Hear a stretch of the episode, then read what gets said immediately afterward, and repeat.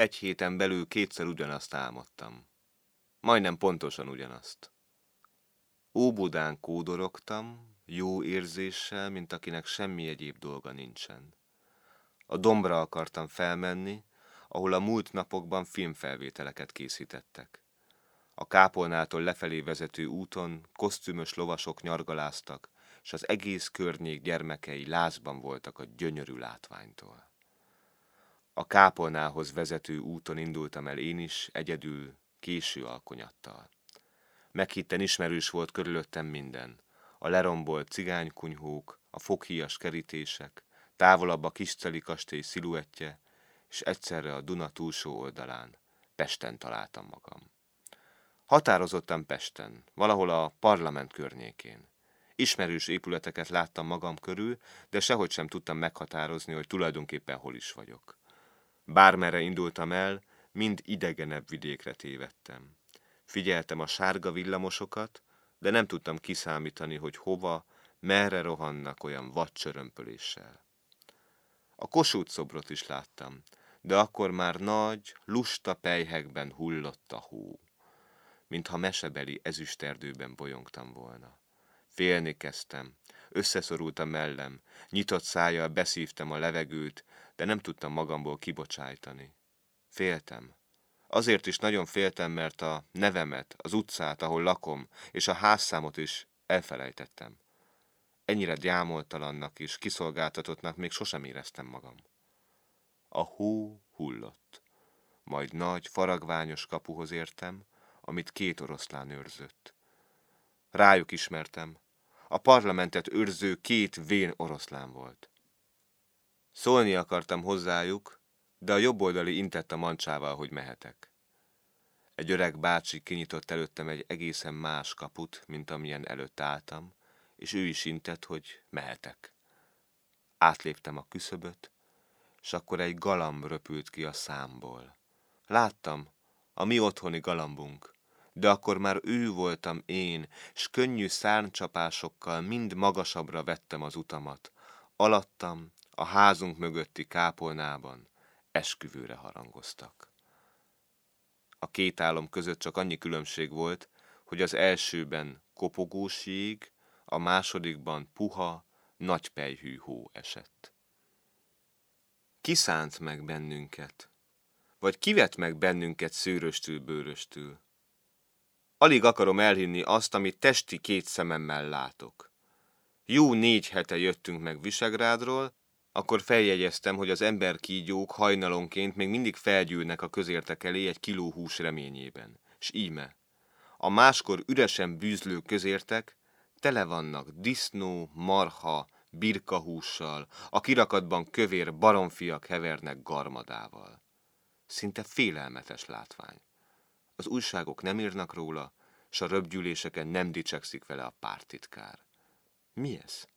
Káprázat vagy valóság? Bizonyára valóság, hiszen én is ettem már belőle rántott karajt. De hát miért nem dicsekednek vele az illetékesek? Ők talán nem is tudnak erről a különös változásról. Mi lehet a dolog mögött? Az egyszerű emberek azt beszélik, hogy Jugoszláviából jön a hús, és hogy Amerikából szalonna és rengeteg halkonzerv fog jönni. Igaz ez, vagy csak ostoba rémhírterjesztés? Miért nem szólnak az illetékesek? Vagy csak ugyan nem vették még észre a hirtelen változást? Kint jártunk Leányfalun. Múrit Zsigmond volt otthonában. Nem nagy, de jól hasznosítható birtok, szép ház, három hold gyümölcsössel. De sajnos minden csak úgy Isten kegyelméből él ezen a helyen. Három lánya közül, akik más területen dolgoznak, egynek sincs ideje, kedve és ereje, hogy a portát megérdemelt módon rendbe hozza. A talajt benőtte a gaz, a nemes, jó gyümölcsöt félérettel lopják a szomszédok. Hogy kint ülünk a ház előtti fonott székeken, amíg a többiek beszélgetnek, arra gondolok, hogy a jó Móricz Zsigmondot, aki annyi realista művet alkotott, milyen illúziók éltették a valóságban. Nagy családi ház, gyümölcsös, valamiféle szép paraszti romantika úri keretek között. Nagy elgondolású, puha ember volt ő. Idegen sorsokkal bíbelődött. Mindenki más dolgát rendbe szerette volna tenni, s a maga kis életét nem tudta vágyai szerint megformálni. Sikertelen anyagi vállalkozások, kivitelre alkalmatlan tervek, s rosszul választott asszonyok között gyötrődött.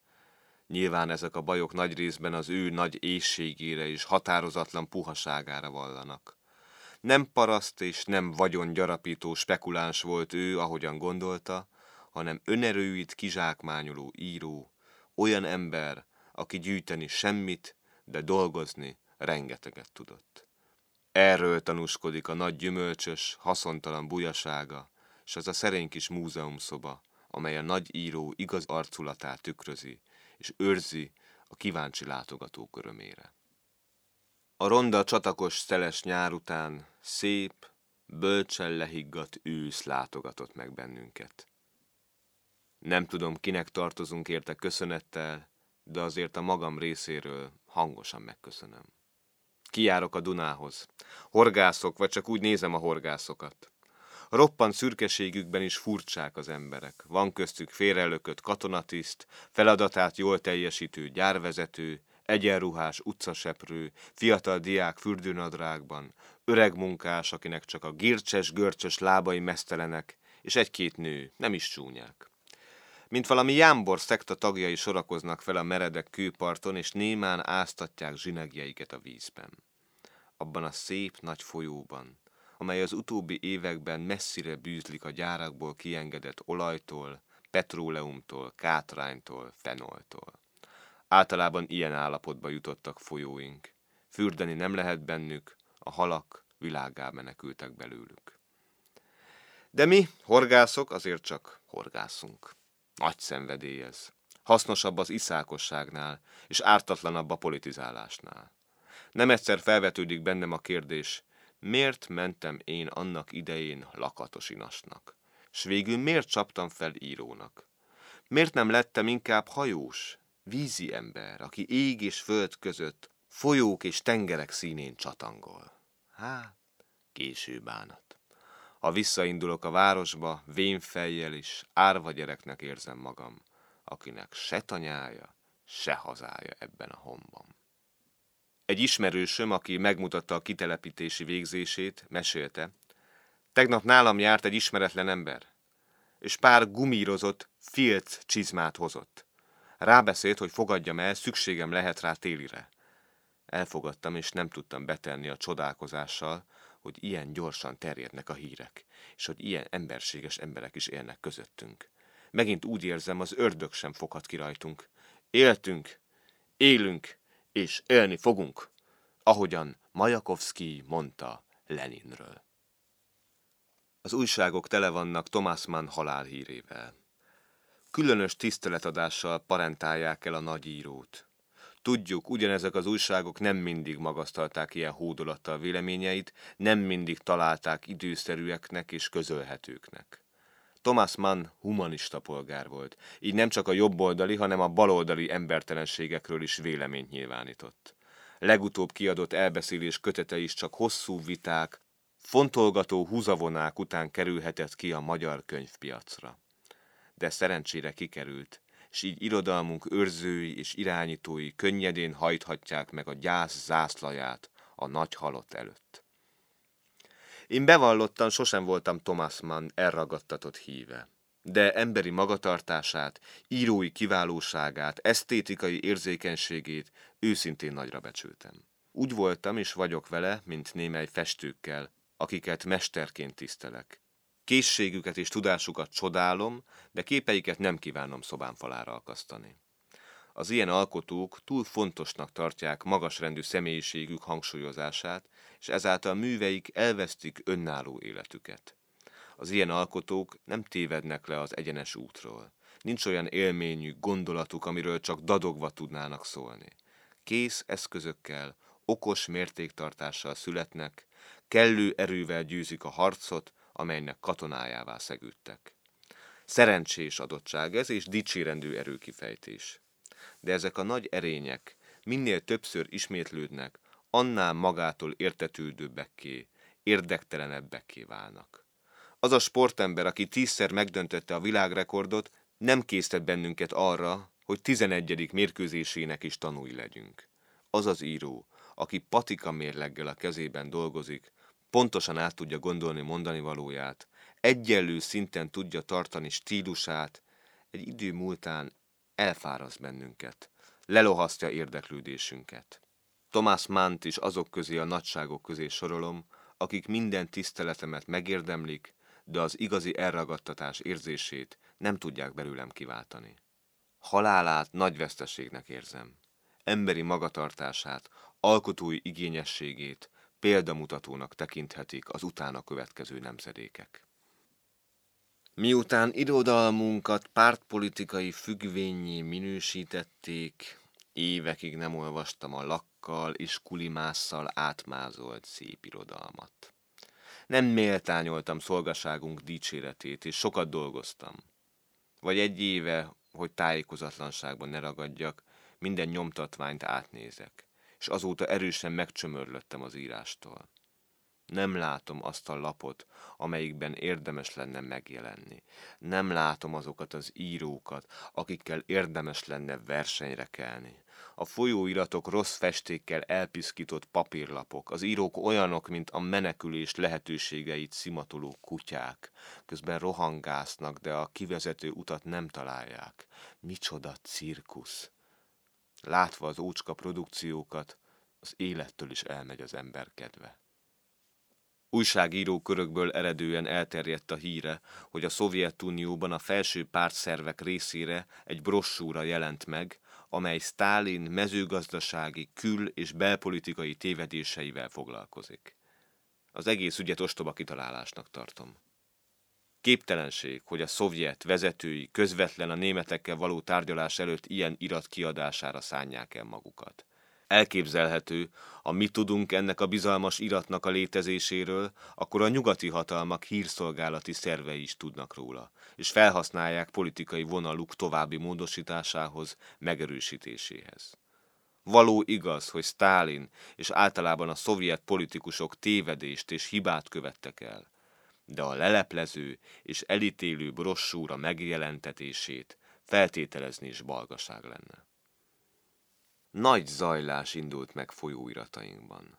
Mintha a fiatal írók tartalmi és formai problémáiról beszélnének, de alapjában egész irodalmunk verembe csúszásáról van szó. A szolgák kimerültek, és akik még élni és alkotni szeretnének, szabadság után lihegnek egyre hangosabban. Persze ez még mindig nem szembefordulás az önkényes hivatali intézkedésekkel, csupán egyéni sorsok felpanaszolása. Nem lázongás, csak menekülni akarás. Már azok is szabadságot igényelnének az irodalomnak, akik eddig a fogalom meghamisításán fáradoztak. A kritikusok, akik éveken át a makacskodó költők fejét iparkodtak puhára kalapálni, ma már hajlandók mentővel dobni a menekülők felé. A költők és kritikusaik mindinkább átváltják a hangot. Még nem tudják és nem merik kimondani az igét, ami felfedné eretnekségre való hajlandóságukat.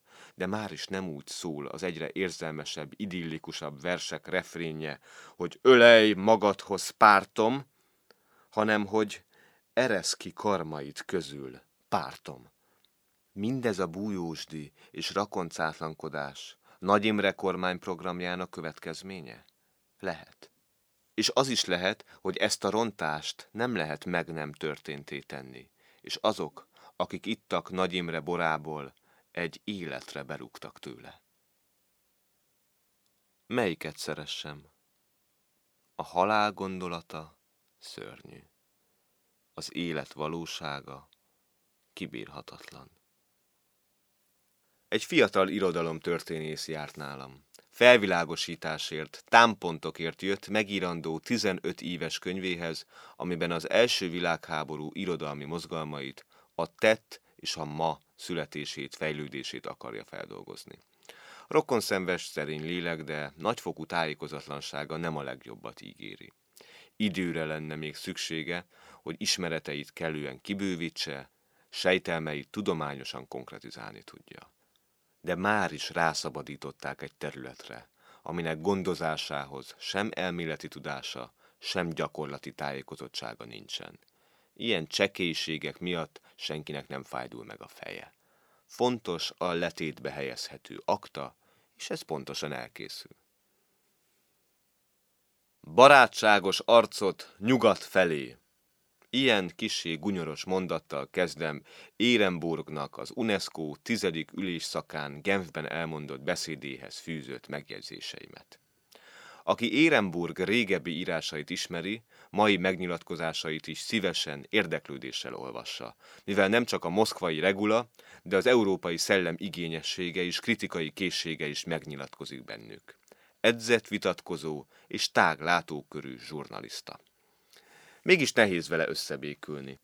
Nem azt írja le a papírra, amit ki szeretne előttünk mondani. A rokon szemvel kísérjük vergődését, de a mélyebb együttérzést, végső következtetéseinek elfogadását nem tudja belőlünk kiváltani.